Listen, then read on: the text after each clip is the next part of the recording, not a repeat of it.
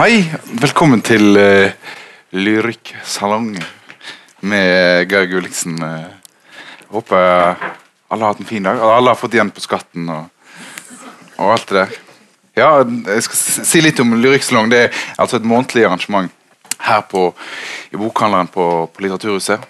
Uh, ja, det var det jeg skulle si. Og nå har vi Geir Gulliksen. I dag er det Geir Gulliksen som er gjest. Eh, kort om, eh, om, han. Født i 1963.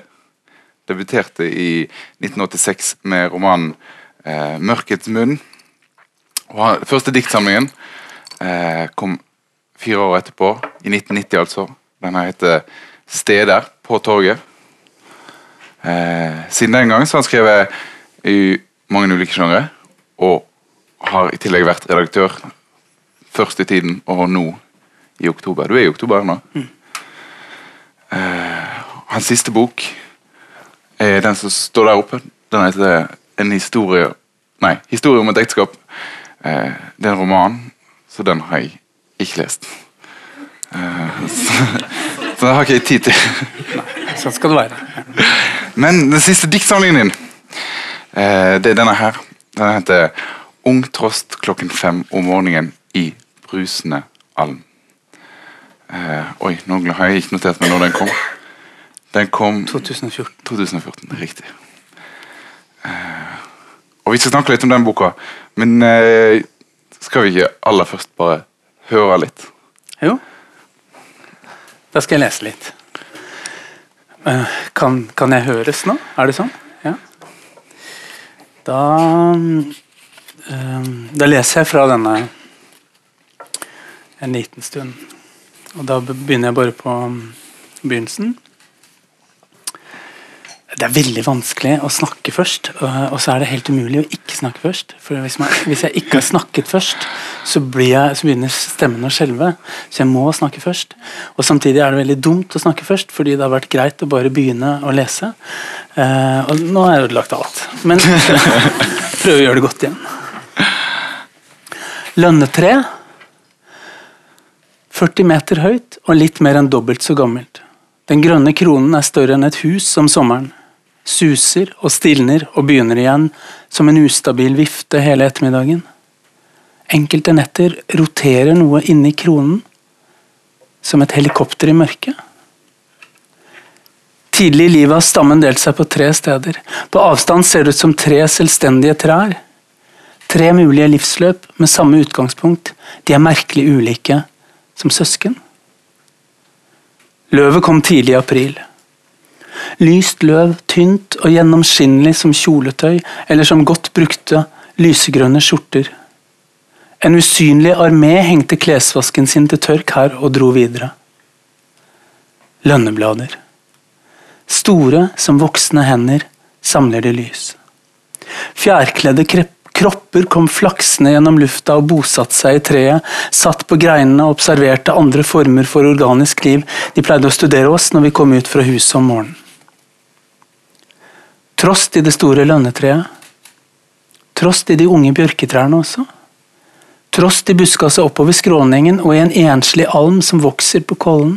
Trosten var her fra mars til september, og nå er den borte. Men borte er bare et navn på alle andre steder enn dette. Alt annet enn disse rommene og disse trærne er borte. Alt her er sett innenfra huset, innenfra rommene, fra vinduene i veggene der alt utenfra styrter inn, eller innenfra trekroner, løvverkets unyttige åpninger. Vi flyttet dit i januar. Snøen lyste under trærne, lyset snødde gjennom vinduene, rommene sto nakne etter forrige beboer. Det gjorde jeg også. Ofte var jeg så naken at jeg måtte snu meg bort fra alle, men i februar kom trosten, først to grå, så tre til, og så to svarte. De landet på plenen og løp forbi hverandre, unge, butte kropper med grå hetter og brune jakker, som samles rundt inngangen til døgnåpne butikker. I mars jagde gråtrost i flokker skjærene vekk. Skjærene lot seg jage. Halvinteresserte tok de til vingene, hele so våren og sommeren kom de tilbake og lot seg jage på nytt. I september var treet tomt igjen, og skjærene gjorde det til sitt. Skjærene lot spurvene bli. Skjærer ser ikke spurver. Spurvene lar seg ikke bli sett. Spurvene spurver. Skjærene flyr, bare med andre skjærer. Jeg gikk inn og ut av huset hele sommeren. Ofte satt jeg i trappa i hagen. Hun så meg der. Hun hørte meg komme og gå. Hun med sin ekstreme følsomhet for små lyder og brå bevegelser gjorde meg ekstremt oppmerksom på at jeg satt her, på det nest øverste trinnet, i ly av epletreet. Jeg kunne bla forsiktig i bøkene, jeg kunne se ut i lufta og se ned igjen. Jeg kunne ikke snakke eller reise meg, jeg kunne ikke finne noe for å skrive Unnskyld meg. Jeg kunne ikke finne noe å skrive med for å notere dette. Jeg kunne ikke se direkte på henne, f.eks. mens hun skiftet grep med klørne rundt greina. Jeg kunne se litt til siden for henne. Hun så litt til siden for meg.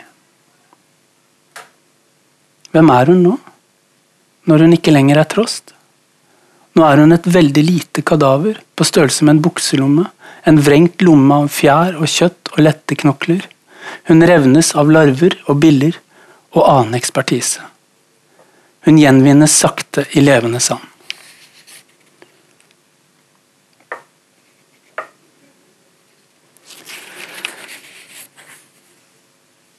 var en mørk kropp som gikk ut på gresset. En truende skikkelse for 15 store måker som kavet voldsomt med vingene og skjøv seg opp i den lette blåsten. De ble hengende over plenen til den mørke bevegelsen var blitt til noe de kunne kjenne igjen, en mann som henter avisen og blir borte i huset.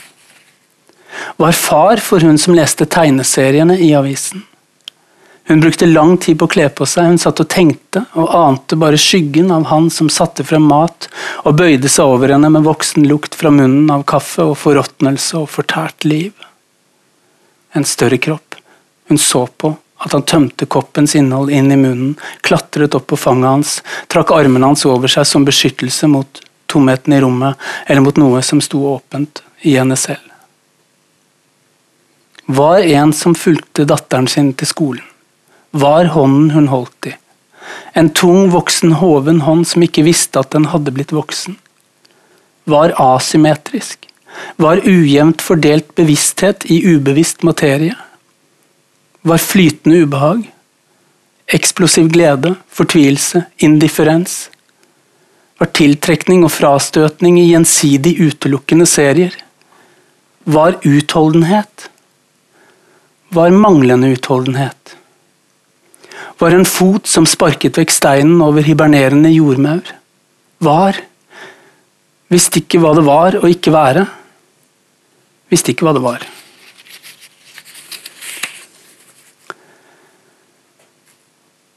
En trost løper fort over plenen. Det er så lett å si trost.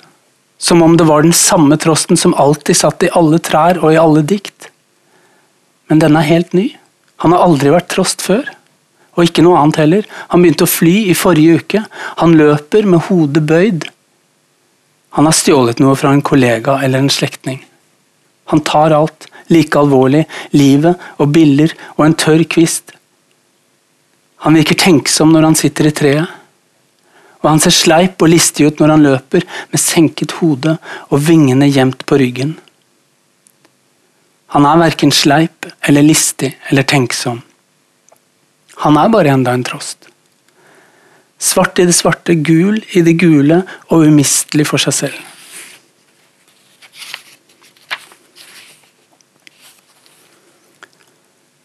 Selv måkene. En stor måke med glatt, hvit buk og glatt, bakoverstrøket hår på hodet spankulerte på det nyslåtte gresset og viftet med nebbet. Om og om igjen skrek han, og fikk svar fra hun som var 20 meter unna. Hun skrek tilbake til ham. Han skrek tilbake til henne. Hun skrek tilbake til ham, og han skrek tilbake til henne. Han spiste litt og skrek igjen. Hun spiste litt og skrek tilbake. De holdt i hverandre med tynne skrik. Jeg er her, sa han. Jeg er her også, sa hun. Jeg er her fortsatt, sa han, sa han. Jeg er her også fortsatt, sa hun. De gule støvlene hennes sank i gresset. Noen ville ha henne med seg. Hun ble urolig. Jeg elsker deg, sa han. Det må han ha sagt. Det kunne ikke bety noe annet. Og hun svarte at hun elsket ham også. 'Jeg elsker deg nå også', sa han, bare et åndedrett etter. 'Og jeg deg', svarte hun. Noen ville fortsatt ha henne med seg. Noen slo med vingene. Han stakk nebbet i bakken og trakk opp en mark som han slukte. Og nå, sa han. Ja, nå også, sa hun. Og nå, sa han, engstelig eller omtenksom. Ja, sa hun, enda mer nå. Du må tro meg. Tynne, hvite forsikringer over den flate plenen, og de som bodde i nærheten, snudde seg i sengene. Um, skal jeg lese et dikt til, tenkte jeg. Ja. Jeg mista det. Det var et dikt jeg mista. Det ble borte. Det er et dikt her som var grunnen til at denne boka ble skrevet. Fordi jeg fikk et slags oppdrag om å skrive et dikt, og så var det veldig vanskelig. Og så skrev jeg, syns jeg fikk det til. Og så ble jeg så veldig glad når jeg hadde fått til å skrive et dikt. Det var lenge siden jeg hadde skrevet et dikt. Eh, så da ble jeg så over eh, Hva heter det? Over Nei! Over Nei! Jeg skulle si overmoden, men, men det er jo ikke det. Jeg er så overmodig at jeg tenkte Men nå skriver jeg jammen en diktsamling. Og det var, ble jo mye Der fant jeg det. Det heter 'Komme tilbake i en annen skikkelse'. Våkne en morgen og ikke vite hvem du er, eller noe annet, noe som var mye mindre. Som å lete etter en gjenstand og prøve å huske hvor du så den sist. Gå fra det ene rommet til det andre, opp og ned trappene. Tenne lyset i et lite rom, skru lyset fort av igjen. Stå i mørket og ikke huske hva det var som du prøvde å finne. Bli stående i det mørket høre kjøleskapet synge fra etasjen under. En gang å ha kjent et barn, en lettere kropp, én meter lang, og med så store følelser at de kunne fylt en hel kirke. Hver eneste kirke som finnes i verden. Hver eneste svimlende nattehimmel av mørke. Uendelige skoger av oppskjørtede, svaiende trær som ikke aner at de er blitt satt i bevegelse. Barnet vokste gjennom alt hun hadde ventet på. Noe skulle skje. Noe var stort og utrolig. Å stå ved et vindu om kvelden når det mørkner, og brette sammen klærne hennes. Små plagg, trøyer og jakker. Klærne har fortsatt form etter kroppen som vokste ut av klærne. Ja, sånn.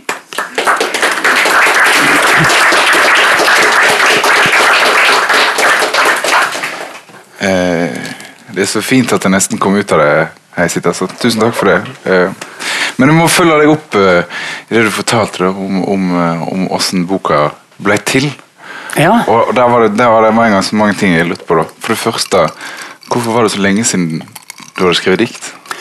Nei, jeg tror kanskje mest fordi at uh, um, Jeg hadde utgitt en bok, dikt, diktbok i 2008. Og så um, Hvordan var det, da? Um, veldig vanskelig å svare på. Men jeg tror det var sånn at uh, jeg gikk ned i stilling. Og, og, og, og, fikk mye mer tid til å skrive. Og så skrev jeg først en roman som jeg hadde tenkt på lenge at jeg skulle skrive. Og så skrev jeg en til, og så skrev jeg en til, og så skrev jeg en til. Jeg tror roman, den romanskrivingen gjorde det nesten umulig å skrive dikt. Du kan, jo ikke skrive parallelt? Uh, jo, men den, den, boken her, de diktene her skrev jeg fordi jeg ikke fikk til den romanen som jeg til slutt fikk til allikevel. da. Men, uh, men går, alt går an. Men uh, Nei, jeg vet ikke. Det er ikke noe godt svar, egentlig. Det, jo, det er kjempe, kjempe. Men et, jeg, jeg, er fornøyd med at jeg, hvis jeg kan skrive dikt iblant. Ja. Mm. Men er, er det, det, er ikke sånn at du ser på dikt som ho, hovedsjangeren din, eller har du noe som du tenker liksom du er nei, du Jeg har aldri hatt det. Nei. Aldri hatt noe følelse av Eller jo, i begynnelsen, da jeg eh, hadde debutert og, og var, eh, liksom, var forfatter, bodde i Bergen og, og var forfatter, på en måte, da hadde jeg veldig bestemte følelser, eller sånn tanker om hva slags forfatter jeg skulle være, og hva slags bøker jeg skulle skrive. og sånn. Eh, og det førte til at jeg delvis ikke klarte å skrive, og, og, og delvis ble det ikke så bra, syns jeg, det jeg skrev. sånn at på et eller annet tidspunkt så liksom kastet jeg klarte jeg å kaste alle sånne tanker om hva slags sjanger jeg skulle skrive i, og hva slags forfatter jeg skulle være. Så nå bare roter jeg rundt. Så du, sånn, du, du har liksom ikke de neste fire bøkene til enhver tid planlagt? Det er jo noen forfattere som er sånn. Ja, har nei, jeg liksom- har holder på med veldig mye forskjellig. Nå skriver jeg på en, en roman, og så skriver jeg på et skuespill, og så jobber jeg med en slags sånn grafisk roman. Tegneserieroman. Som jeg ikke tegner selv, altså, men som Anna Fiske tegner. Um, og så gjør jeg noe mer som jeg ikke husker akkurat nå, men som jeg ikke tør å si. Uh, så jeg gjør mange ting, men, men ikke, ikke ut ifra liksom, taktiske vurderinger eller planer eller sånne nå skal, jeg skal skrive en sånn bok, på en måte. For det går ikke. Det blir bare tull. Men, men når skjønte du Du, du fikk eh, Du skrev først ett dikt, så du fikk i oppdrag å skrive. Men nå skjønte du at det, at det må bli bok? Eller Hvor mange dikt har du skrevet før du skjønte det? Eller? Fem. Fem? Ja. Skrevet fem dikt og brukt liksom eh, ganske lang tid på det og sånn. Og, og eh, så virka det som om det skulle være mulig. Men, men visste du da, at, det skulle bli en sånn naturskildringsbok? Nei, nei, nei, jeg visste ikke det, men jeg visste at uh, den er jo veldig sånn eh, enkel, på en måte. Eller, tror jeg. Forestiller meg at den er ganske enkel. Og, og liksom naken, da. Uh, og Den er i hvert fall tilgjengelig, da. Altså, Ja, ja. Enkel er kanskje Jo, men enkel på den måten at uh, den eh, Jeg så en eller annen som, som uh, skrev noe som skulle ta meg litt, tror jeg. Som sa at det er, det er dumt å skrive som om det ikke har vært skrevet før. liksom. Og da tenkte jeg ja, men det er feil. Eller det er jeg ikke enig i, da. Uh, og det, det, jeg tror det er det jeg mener med enkel. Det er at uh, det er ikke det er ikke type dikt som liksom prøver å vise til tradisjonen, eller, eller sånn skal vi skrive dikt nå, eller, eller jeg er eh, en som skriver den type dikt, eller noe sånt. Det, det er dikt som forholder seg veldig mye til, eh, til um, ting jeg så. Jeg så de der fuglene. Det var helt latterlig. Jeg satt hjemme, fikk ikke til å skrive romanen, og så ut, og der var det en trost, liksom. Og så ja, sånn, sånn, skrive litt. Og det um, det føltes veldig barnslig, egentlig. Å være en sånn voksen mann som sitter hjemme og skriver dikt om fugler. Det er helt latterlig. Virkelig, virkelig helt latterlig. Og det var på en måte det som det var, Jeg tror det var når jeg tenkte det, eller skjønte det, at dette er litt for dumt. Uh, at jeg tenkte at uh, da, da, da må jeg gjøre det. um, og det pluss det helt sånn tåpelige med det, som er liksom å menneskeliggjøre fugler og dyr og trær, til og med. Liksom. Det er jo helt fullstendig feil å gjøre, på en måte. Helt latterlig, det òg. Hvorfor det? Ja, fordi det skal vi ikke gjøre, av gode grunner. ikke sant? Det er sånn, Man kan ikke tillegge menneskelige følelser til, eh, til en trost, f.eks. Da. Eh, For da mister du på en måte trosten, den egentlige trosten av syne, er vi vant til å tenke da. Sant? Og så pøser du masse av ditt eget eh, litt sånn frekt inn i den. Og, og litterært sett er vi vel da også vant til å tenke at uh, det er feil. Da må du gå tilbake og så må du liksom skrive noe som er sannere, hvor du ikke liksom gjør en stakkars tross til en metafor. Men, men det som jeg syns jeg oppdaget, det var eh, fordi av redsel så begynte jeg å lese meg opp på evolusjonsteori og, og liksom fuglebøker og sånne ting. Og, og fant ut at eh, ja, det er sant at vi har veldig mye felles. Det er sant at også fugler sannsynligvis har veldig mange typer følelser. Eh, og, og det skjer eh, en rivende utvikling på dette feltet med forståelsen av, av eh, f.eks. fugler. Da. Så da fikk jeg liksom ryggdekning, syns jeg, på at jeg kunne gjøre det der. Det, det er sånn det, det er den boka Jan, med meg Hver gang jeg har lest den, så blir jeg blir sinnssykt var på alt eh, rundt seg. Og det er jo ikke det, er, det der, du, du, du leste vel nå om at alle troster er jo ikke troster, men er individer. og eh, og du sier, så sier han uh, En skal ikke legge de følelsene på dem, men en gjør jo gjør han ikke det når en leser. For eksempel, legger han ikke, ikke mesteparten av det en leser uh, meg sjøl som leser har lagt i boka. Like mye som en trost som jeg legger i en trost, eller? Uh, Jo. Men det er vel også det vi gjør hele tida, tenker jeg. At eh, vi ser på hverandre og, og tilhenger hverandre alt mulig. Og det er den måten vi kan liksom være i verden på. Ja. og Det, det gjør vi jo med trær og fugler og alt mulig rart. Ikke sant? Sånn at eh, det å, å liksom Ja. Du skriver et sted at eh, alle som eh, observerer fugler, eh, de prøver å forstå seg sjøl. Det, det, det er jo vanskelig å ikke tenke at det er en slags metasetning, Ja, ja. da. Men er det, er, det, Ja. er det sånn du tenker om, eh, om det prosjektet her? eh, Eller? Nei, altså Eller ja, men jeg tror videre i det diktet så står det også at uh, Eller prøver de å forstå fugler generelt, Mm. som art. Og, det er, men, og at det er veldig sjelden vi prøver å forstå liksom, et enkelt individ. Fugleindivid. Ikke sant? Vi ser på en linnærle, og så tenker vi liksom rundt hvordan fugler er, og hvordan de er i forhold til mennesker. og sånn. Men veldig sjelden i forhold til hvordan akkurat den der linnærla er. Og det, det å skrive sånn som dette her ga en eller annen slags rar frihet til å prøve å gjøre det òg, da. Um, sånn at uh, Jeg vet ikke jeg, om det er uh, Jeg syns ikke egentlig det er dikt hvor jeg prøver å forstå meg selv så mye, altså. Hvis du hadde spurt en annen dag, så hadde jeg sagt ja.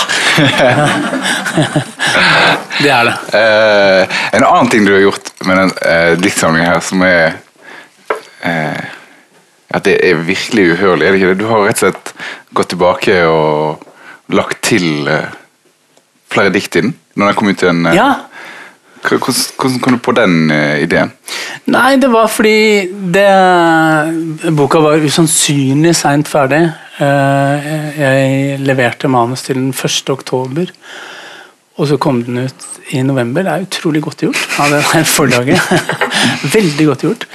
Eh, Sånn at eh, da når den hadde kommet ut, og den plutselig var liksom måtte komme i nytt opplag, det jo, var jo gøy så visste jeg at jeg hadde noe liggende som, som jeg hadde lyst til å prøve å gjøre ferdig. Så prøvde jeg å gjøre det ferdig. Noe av det Noe av det fikk jeg ferdig. Eh, så egentlig så er det den der tynne, lille pocketutgaven som gjelder, syns jeg. Og så tok jeg med Så hadde jeg skrevet noen fugledikt tidligere, så tok jeg med dem, da. Bare for å fylle på. Men, men jeg blir jo eh, sittende og undre eh, Er den ferdig nå? Nei. Eller kommer det, kommer Ja, det lurer jeg på. til Ja, men, det er, det er, men, men det går jo ikke nå, altså. For nå blir det bare sånn tenkt. Det var på Ja. grensen. Når, når jeg liksom utvida den på slutten, så var det litt på grensen. Det begynte å bli litt sånn eh, konsept, liksom, eller idé, eller sånn. Så det Men skyr du unna det? Og gjør det til Ja, jeg gjør det fordi Ja. jeg er så Jeg blir ikke det, det er en av de måtene jeg kan skrive skikkelig dårlig på. Det er eh, når jeg liksom får sånne veldig gode ideer. Sånn at uh, erfaring har lært meg at uh, det må jeg ikke gjøre. Men uh, hvis du Hvis du ikke skriver etter gode ideer, hva, hvordan skriver du da? Hvis altså, venter du på en Nei, jeg dårlig idé? prøver å eller? skrive litt sånn ut, Jeg går etter en eller annen følelse av at dette er vanskelig, eller dette er for dumt, eller dette er ikke riktig. Og det er ikke, det er ikke, det er ikke sånn du må skrive, Geir. liksom. Det, når jeg kommer i nærheten av, av noe sånt, så, så syns jeg at jeg kommer i nærheten av noe som kan øh, øh, bli bra da, for meg. Altså Som kan se levende ut, på en måte. Så skyr du unna liksom alt som føles gjenkjennelig i skrivinga? Og... Det høres veldig råflott ut å si ja. Ja. Fordi, fordi jeg kan godt tenke meg at man kan liksom se på den og så kan man si å ja, det er sånne dikt, ja. ja. Ikke sant? Sånn at, eh, men, men for meg selv så, så prøver jeg i hvert fall å komme um, ja, skrive ut ifra en sånn følelse av at dette er for dumt, altså. Ikke gjør det, liksom. Da, da kan det være verdt å gjøre det. Det, det, det tror jeg etter hvert fullt og fast på, altså. Det er jo et konsept, det òg, nesten. ikke? Ja, det er forskjellig hver gang, da. hvert fall. Men er, er, det det som har gjort at uh, du har vært innom så mange sjangere, f.eks.? Er det det oppsøker Ja Det kan være. Det Det, det, det der er sånn der et terapispørsmål, nesten. Som er sånn, Hvis vi bruker liksom et halvt år så, sammen, du og jeg, snakker sammen en gang i uka, så kan Ja, vi kanskje beklager det. Det trenger vi ikke. Nei, nei. Liksom, Verden klarer seg uten et ordentlig svar på det spørsmålet, antagelig. Eh, eller i hvert fall hvis jeg skulle svare på det, så, så vil det bare bli en sånn løgnaktig eh, halvreklame. Ja. Faktisk. Men, men jeg tenker at uh, de fire siste romanene jeg har skrevet som du ikke har lest, da, og det er bare ligg unna, for det, det holder at du leser dikt, men de, de har liksom kommet blitt en eller annen sånn greie. Eh, nå plutselig ser jeg at det er en slags greie, en måte å skrive på, en måte å tenke på. Sånn at eh, da må det være nok. Eh, så den neste romanen skal bli helt annerledes. Og det Ja. Du kan si det er et konsept, men jeg tror det bare er en måte å prøve å leve på. Altså. Det var bare tull. Altså. Jo, jo, men jeg må jo svare på det. Men altså, selv, ikke når du Sånn suksess du har hatt med den siste eh, romanen din, eh, du blir ikke frista til å interessere deg ikke med eh, Du, jeg, ser meg selv, jeg ser meg selv når jeg prøver å reprodusere et eller annet. Altså. Jeg ser hvor fælt det blir. Stivt og dårlig det blir. Så, så, mm, så det er eh, Det fins liksom Det er en enkel kur mot eh, å prøve å Det er sikkert mange som vil si at jeg reproduserer meg selv uansett, men, men eh, Eller jeg vet om noen som helt ikke sier det. men men for meg selv så vet jeg omtrent når jeg syns jeg gjør det. Ja. Og det, da går det ikke bra, altså. Det går virkelig ikke bra. Eh, skal, dette skal du trenger du ikke svare på, altså, men bare, når, jeg, når jeg leser tingene dine, så, så, så Jeg syns det virker som det kommer fra et, et, et sårt eh, og litt sånn personlig sted. da, og Ikke svar på det. For Det er et forferdelig spørsmål. da, det er et forferdelig Nei, spørsmål. nei, nei. Jeg har ikke svar på det. Han er så smart. Så du slapp du liksom ta ansvar for spørsmålet, og så var det jeg som fikk ta det. Riktig, ja, riktig. Ja, ja, nei, jeg ville ikke snakke om sånne ting, men han insisterte på å snakke om Hva sa du? Sårt og personlig? Ja, ja. Men det, altså, det, Men mener du alltid, eller den boka spesielt? Eller bare for å få deg litt på banen her, da? Nei, altså nei. Jo, nei, jeg må, jeg må bare Jeg er ikke vant til å tenke når jeg sitter oppe, da. Eh, altså, jeg, jeg Kanskje mer, egentlig, de Nei, de, de, de to siste i den samlingen der. Også, men de er såre på en helt for- forskjellige måter. Den her føles jo eh, Selv om den er skikker veldig mye ut, da, så hver gang den vender seg utover mot et, et tre eller en fugl, så vender den seg så veldig mye innover. Um, kanskje like mye som når du beskriver en tanke eller, liksom, eh, eller en ting du gjør i de andre bøkene.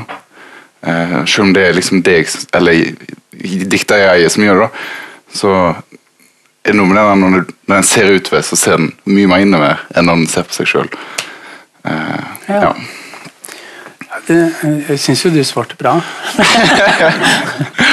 men Nei, men uh, um, Ja, altså Det er jo sant. Um, men, men jeg tror kanskje det er sant at det er uh, liksom en personlig kjerne i det. Det er sant at det er eh, en slags sårhet som ligger til grunn.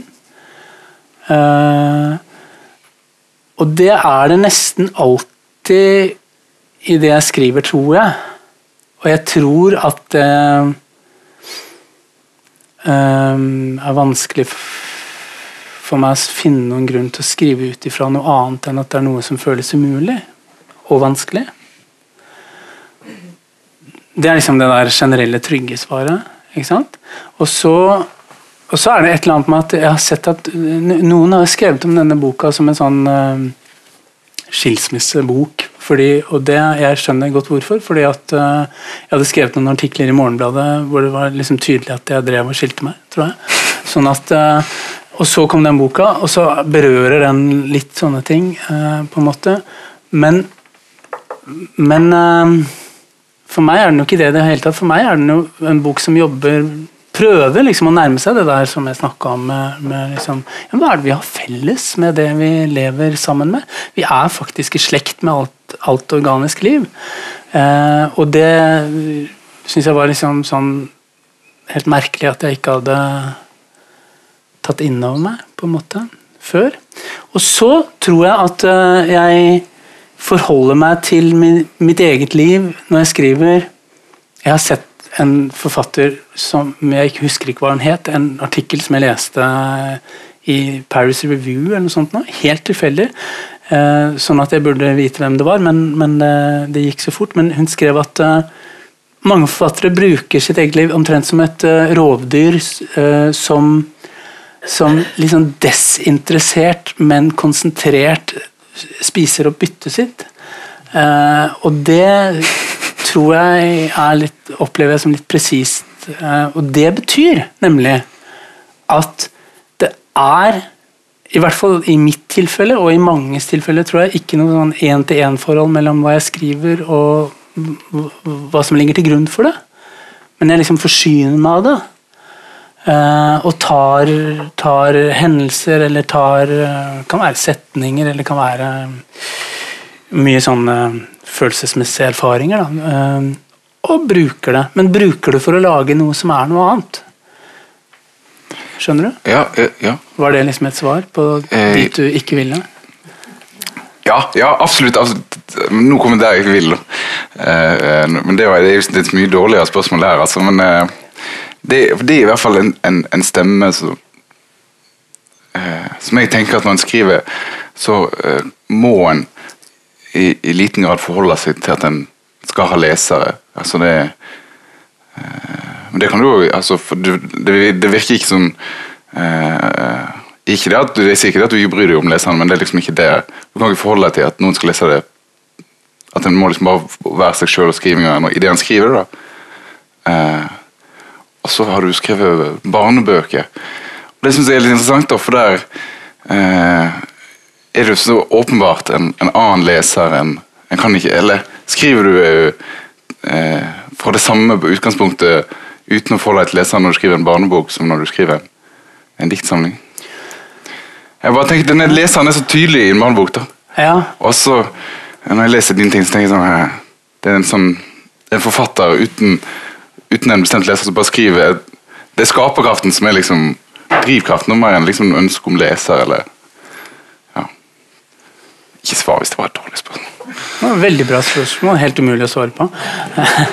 Men, men eh, jeg tror jo veldig på det å få fram noe som er liksom eh, Du vet sånne, sånne ord som man ikke skal bruke når man snakker om litteratur. Eh, opprikt, noe som er oppriktig, noe som er sårbart, noe som er utaktisk, eh, ustrategisk eh, og menneskelig og, og ofte svakt, liksom. Det, det svake, liksom. Det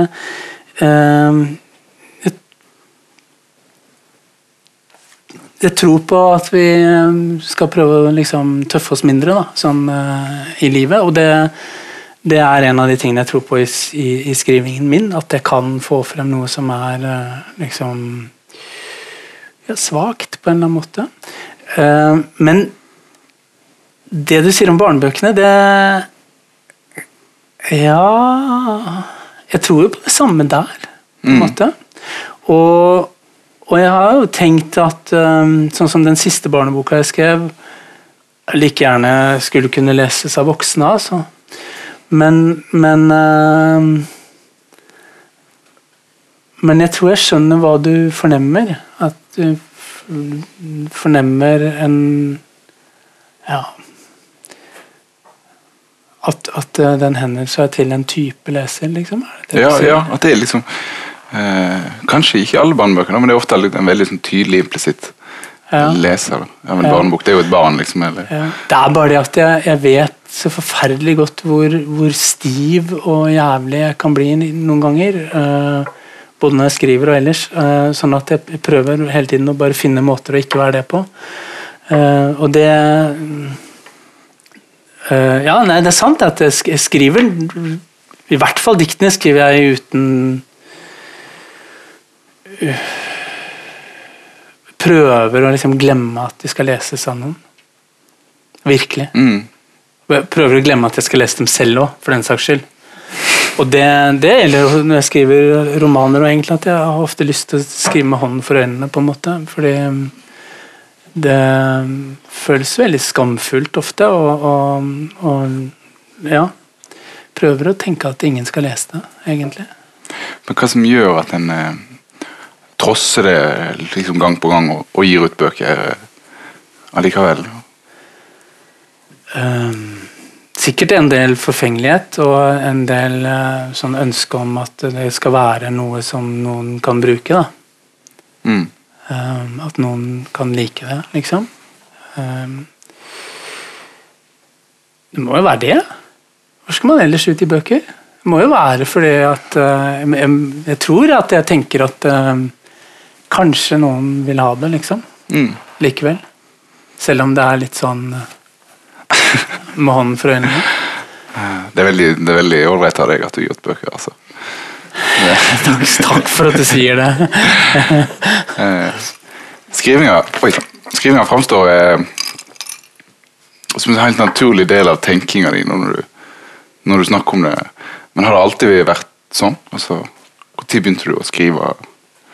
Nei, jeg, jeg eh, begynte å skrive veldig tidlig, eh, og, og så ved et slags utrolig hell så ble jeg antatt på den første manuset jeg sendte inn.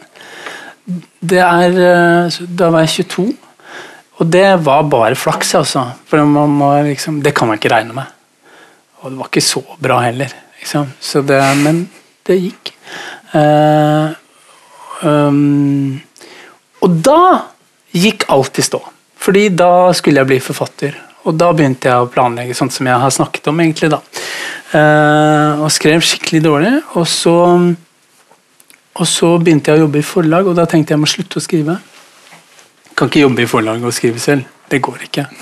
Det er egentlig litt sånn gjensidig utelukkende saker, på en måte. Eh, og det at jeg bestemte meg for å slutte å skrive, var det beste jeg har gjort altså, for min egen skriving. For da ble jeg liksom fri. Så da, på, på det tidspunktet så bodde jeg på Nesodden og jobba i Oslo og satt på den der fæle Nesoddbåten og begynte å notere på sånne små lapper. Eh, og så satt jeg noen netter og, og liksom i hemmelighet for meg selv, liksom. Og, og, og lagde dikt av, av de lappene. Sånn at eh, den boka som kom i 1995, som het 'Monografi', det har jeg liksom tenkt at det var egentlig da jeg debuterte. da. Og det, det da syns jeg kom i kontakt med et eller annet som handler om, om en viss type sårbarhet, kanskje. Mm.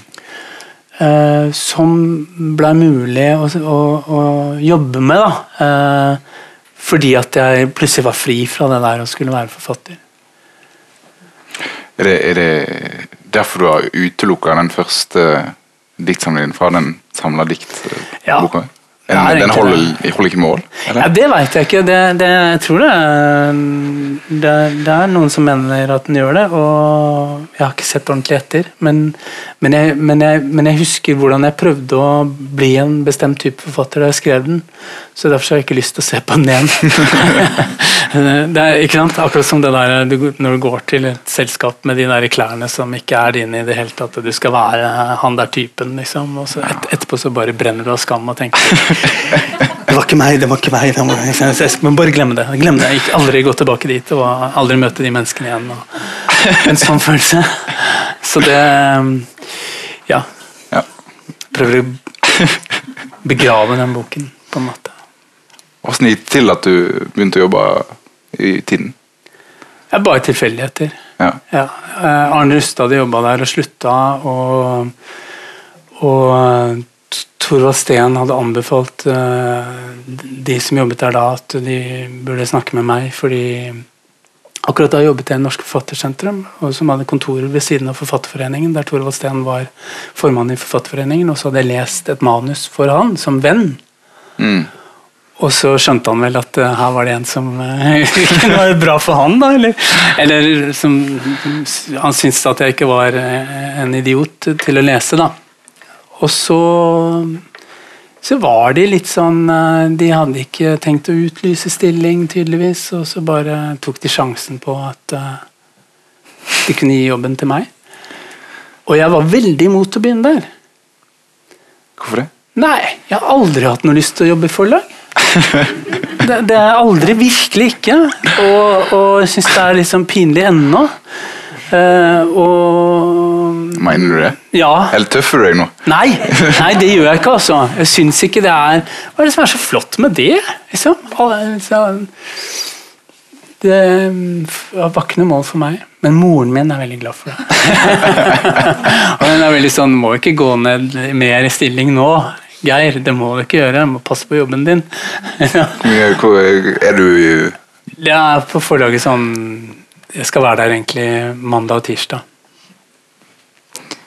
Du har jo vært redaktør i, i 25 år? Noe sånt? Fy fader, altså. Ja, ja. Siden 90, 94, da. Ja, noe sånt. Ja. Ja. Ikke så lenge, men lenge. Det hadde jo vært student hvis det hadde vært et barn, den jobben. Ikke sant? Ja. Men det, du, sier, du sier det gjensidig utelukkende, men det kan det jo ikke være. da. Jo, det er det. Det er gjensidig utelukkende, men vi kan leve med veldig mange ting som er gjensidig utelukkende. sånn? det er uh, det, det, er veldig ubehagelig for meg at jeg, jeg skal være mann, f.eks. Men jeg lever jo med det. Jeg er det jo også, langt på vei i mange situasjoner. Uh, men, men jeg klarer meg ikke så verst etter hvert med det, fordi at jeg har store vanskeligheter med det. Mm. Og, og, og det, jeg, jeg, er gift med en som er danser, og, og første gang jeg snakka med henne ordentlig om, om, hvorfor hun ble danser, så sa hun at, at Oi, dette er antagelig veldig personlig forresten, for henne, men jeg tar sjansen på at jeg kan si det. At, at det var akkurat det der kroppslig, Et visst sånn kroppslig ubehag. Et ubehag ved å være den kroppen som gjorde at hun ble Og hun er en veldig god danser, altså. Som gjorde at hun ble danser. Sånn at jeg tror veldig på de der gjensidig utelukkende kreftene i livet. da. Du, er... du må bare klare å finne en eller annen sånn balanse i det. ikke sant? Men, men, er det fordi at Du skjønner at det er gjensidig utelukkende. Det å, å skrive er sånn Du må du må vekk fra Du må i hvert fall ikke være i litteraturen. Hvis du skal liksom, skrive bra. Du kan ikke gå i, i sånn litterære selskaper og, og, og, og, henge rundt med folk og, snakke om litteratur og, kulturpolitikk og sånn. Da blir du en dårlig forfatter. Sant? Og i hvert fall jeg dør av det. Uh, pluss at jeg er veldig sjenert. Sånn at uh, det kan det ikke, liksom. Uh, det er den ene siden av det. Og, og, og, du kan ikke skrive når du er forlegger. Det, du skal passe på andre. Du skal ta vare på andre. Du skal sette de forfatterne du forholder deg til, skal du sette foran deg selv. Du skal nesten sette dem foran familien din. På en måte. I hvert fall skal late som du gjør det. da. Og, og hvis du later, om, later som lenge nok, så Sånn er det med nesten alt. Hvis du later som noe lenge nok, så plutselig så blir det sånn.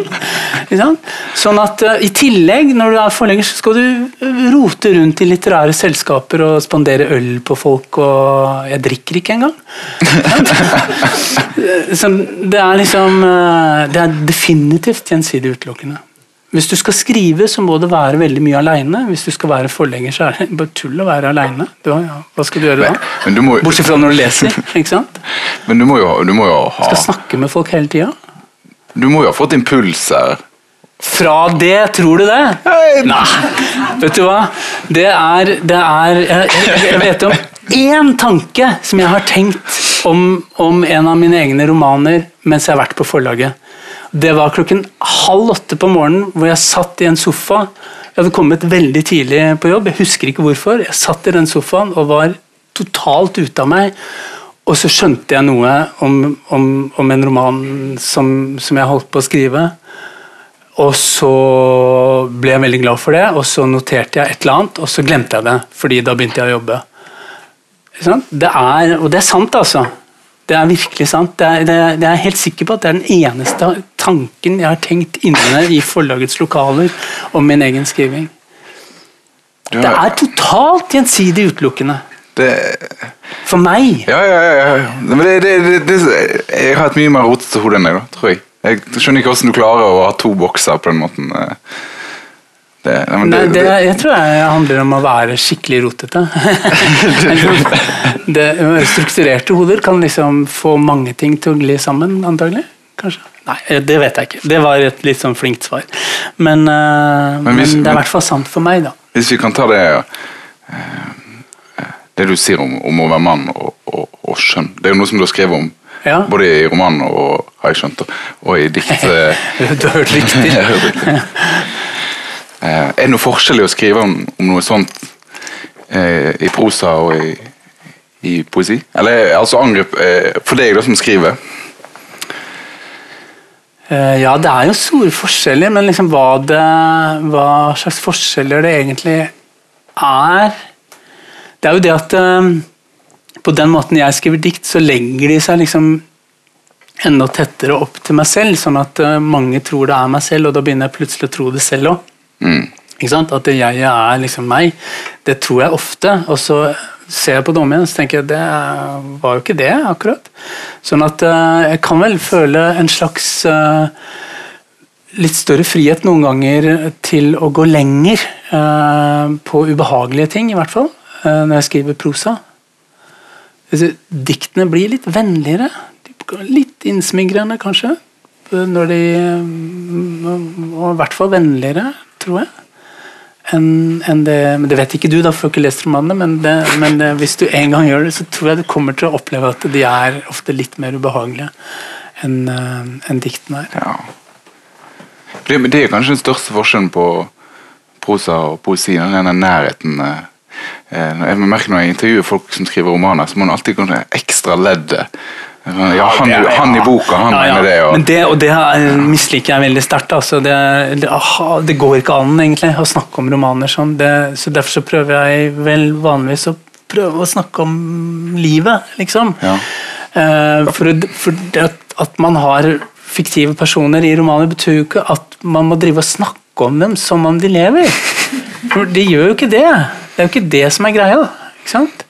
Sånn at eh, Det ubehaget som jeg tror jeg fornemmet hos deg der, Ja. det er jeg helt enig i. Det, ja. det tror jeg egentlig er en konvensjon vi burde prøve å slutte med. ja, det er veldig kleint. Det er Ja, det er det, altså. Ja, Og der på slutten så, så gjør han sånn og sånn, og hvorfor gjør han det, tror du? det, det, ja, det er verst når når de ikke veit. Nei, det er jo som de har bare fått en bok i hånda, så har de skrevet navnet sitt på den, og så har de gitt den ut. Det har ingenting med de å gjøre. Men det sånn er det jo ikke Ja. med det. Ja. Nei, sånn er det jo faktisk ikke. ikke sant? Sånn at du må være veldig modig når du stiller spørsmål. Ja. For det kommer jo fra et sted. Det, ja, kom, ja. Ikke sant? Det, er jo, kommer fra et sted. Jeg tror kanskje vi, vi har snart snakka en time, så jeg tror kanskje vi skal eh, runde av. Men eh, jeg tar runden. Det noen i, i, i salen som er, har noen spørsmål? Eller innvendinger. Innvendinger? Ja. Nei? Jeg er alltid så Jo, redd. der! Da var det to stiger på en gang, eller? Nei? I, nei, ok. Jeg kan Ja, kjør på. Når du snakker om den skam og i stad, om at du tåler nesten ikke å se på når du har det du skrevet, hva det kommer ifra, tenker du? Den skammen, hvor den kommer fra? Ja. Ja, det er jo litt som den Vet du, jeg har gjort noe som mange bare drømmer om. Eh, Jeg har, Da jeg var 11 år gammel, så jeg drev og sånn konkurransesvømming. Jeg var ikke veldig god, altså. Det høres ut som jeg var veldig god når jeg sier det, men det var jeg ikke. Men i hvert fall, jeg holdt på med det. Eh, Og da gikk jeg en gang fra garderoben, splitter naken, gjennom dusjen, og så åpnet døren og gikk ut til bassengkanten og tenkte noe mangler. Jeg var elleve år, ikke sant? Og, og det rare er at jeg ikke slutta å svømme da. Bassenget var fullt av folk. Jeg gikk bare inn igjen og, og, og døde, liksom. Og tok på meg en badebukse, og som et lik gikk jeg ut igjen og, var med på trening. Eh, og det, det er jo, dette er jo selvfølgelig en litt sånn klein metafor da, for skriving, men, men det er i hvert fall sant. Eh, og det, det føles sånn. At, at, du, at du er naken. Ja, ja. Og det er virkelig banalt å si det. ikke sant? For det betyr jo ikke at eh, alt er sant, eller at eh, Ikke sant? Eh, Men det kommer fra deg. ja, ja.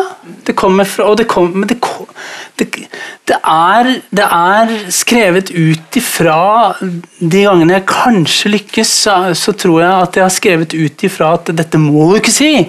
Eller du kan ikke gjøre det. eller Du kan ikke skrive det sånn.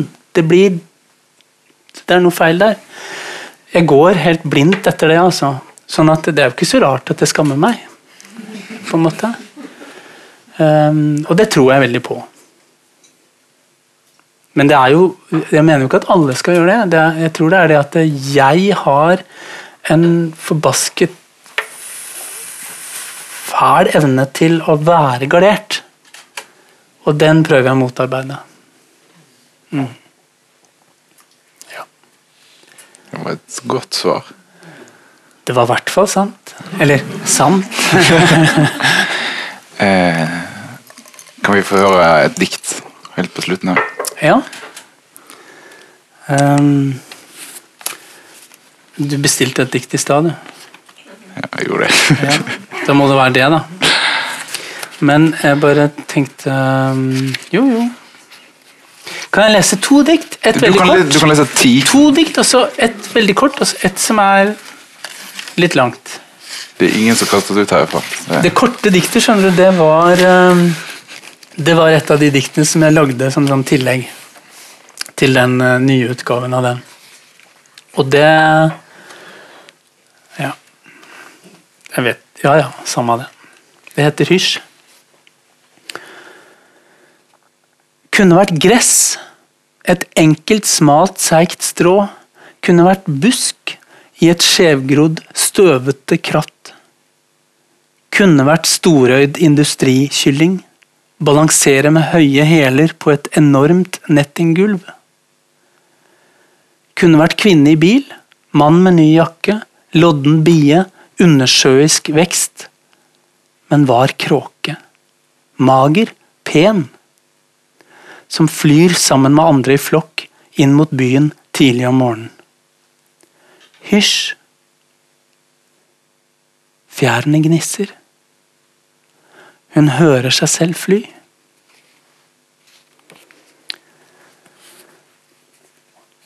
Og så, da Det der diktet som du ba om, det kom eh, i en bok som eh, Eller var i en bok som kom i 2005, som het Se på meg nå. Og det er sånn Alt dette skal begynne en gang til. Den boken jeg gikk rundt med og leste i, skal bli lest av en annen. For første gang skal noen lære å telle til ti, og så til hundre. Og noen skal lære dagene og dermed lære seg at fredag er den beste dagen og søndag den verste. Fordi søndag er den dagen du bare venter på mandag. Og mandag til torsdag kan ingen regne ordentlig med, som jobber hele dagen og sitter i en stol om kvelden. Men alt dette skal likevel begynne på nytt. Noen skal sitte på trappa i det skvettende lyset og prøve å skrive et lite dikt på en lapp. Og noen skal lære seg å sykle. Og noen skal lese at universet utvider seg, og om soler som bare fortsetter å eksplodere. Og noen skal lese gammelhebraisk og ornitologi. Og gå ute om kveldene med hendene i jakkelomma og vite at de skal dø, men ikke ennå. Først skal en annen bli forelsket i dem. Forhåpentligvis.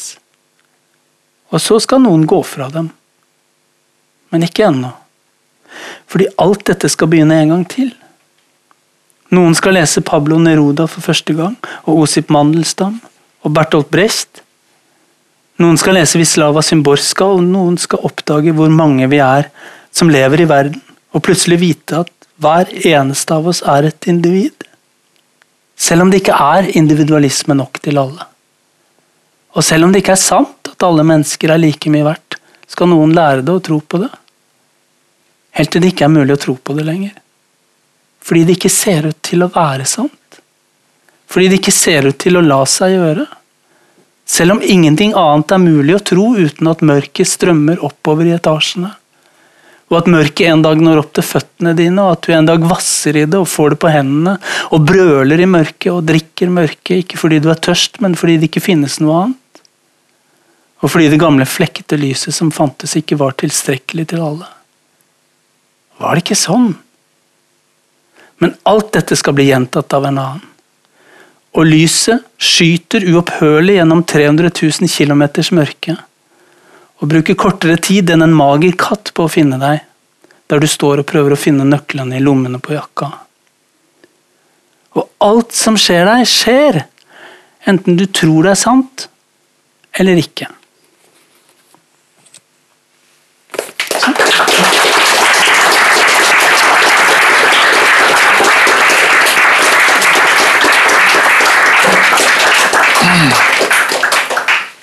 Tusen takk for det. det jeg syns jeg valgte et godt dikt. jeg.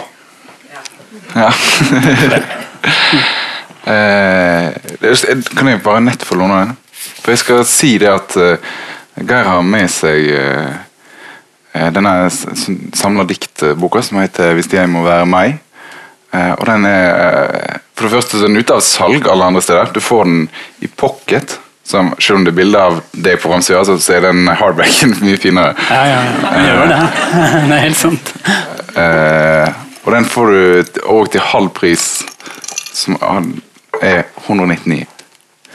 Uh, så den anbefaler jeg alle å kjøpe. Eh, så må vi bare til slutt eh, Hva sa du? Den selger vi rett der borte.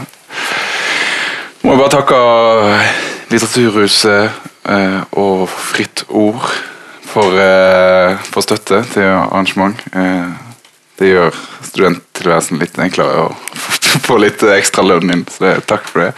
Eh, eh, vi er tilbake neste måned. Da kommer Tone Hednebø.